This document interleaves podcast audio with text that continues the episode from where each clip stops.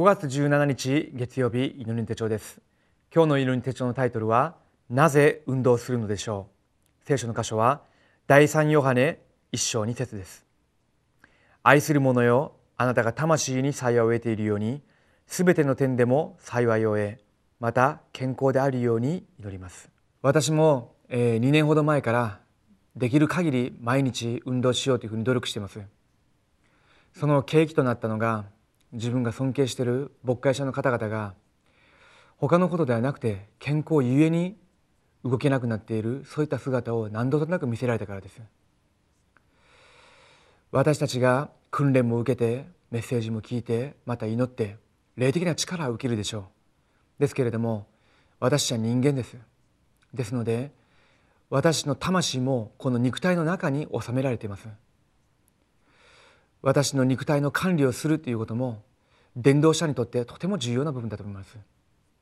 肉体が疲れて肉体が痛むと私の心とか霊的な部分にまで影響を行くようになってしまいます。ですのでレムナントの時から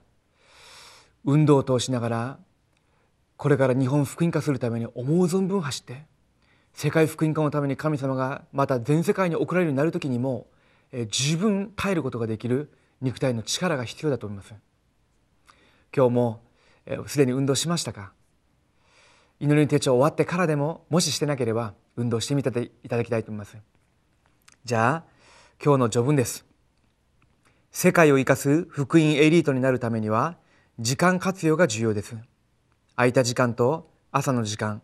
夜の時間をよく活用すると他の人より簡単に先んじることができます。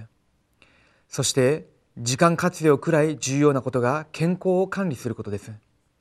健康管理に最も良いことは運動です。一つ目です。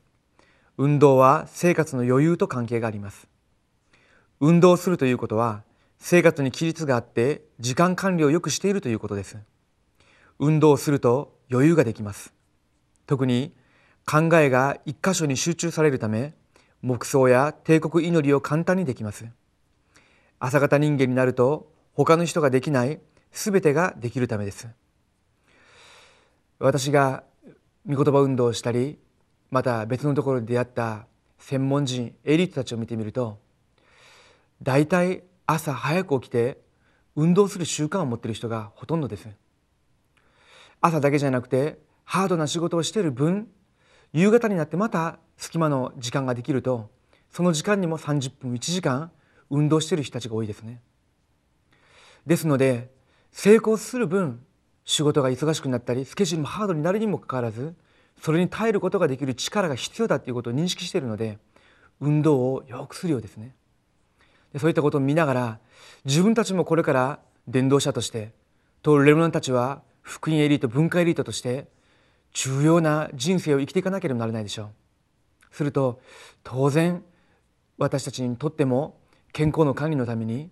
と世界福音化日本福音化のために十分に走れるだけの、えー、肉体の力それを備えておく必要があるかと思います。では2つ目です。運動は健康と関係があります。もともと人間は朝早く起きて食料を探すために一生懸命に動きました。また交通手段がなくて歩いていたため運動量が多くて健康になるしかありませんでした。しかし文明が発達すればするほど人間は運動量が減り体力も低下しました。エリートは何より健康管理に気を使います。健康を失うと仕事もできず他の人より先んじることもできません。3つ目です。運動は世界福音化と関係があります。運動は世界福音化と直接的な関係があります。世界のエリートと競争するためには必ず健康が必要です。年を取れば取るほど運動することが難しいので今からすることが重要です。運動すると肉体だけでなく霊的にも健康になります。昨日の朝自分が起きて近くの川の河川敷を歩いてたんですけれどもまっすぐ一直線になっているその道を歩きながらあ自分があまりにも短絡的に目の前のことだけ見て生きてるんじゃないかそういうふうに思いました。一直線になってるその遠くの方を見ながら自分がこれから40年50年生きていかなければならないけれどもその未来を見て遠くを見ながら今十分に準備をするべきだそういうふうに思いました。今日も運動しながらと霊的な力も同時に培いながら未来のために神様がなさるといらっしゃる重要な働きのために自分自身の器を準備する時間になるように共にお祈りしたいと思います。今日のフォーラムの次第です。多くの人が素晴らしい計画を立てますが実際には実践できません。小さなことから実践するとそれが体質になり習慣になります。運動も同じです。今日しなければならない運動に関する小さな実践計画を立ててこの運動をどのように継続するかについて計画を立てて挑戦しましょう。お祈りします。生きれる神様に感謝を捧げます。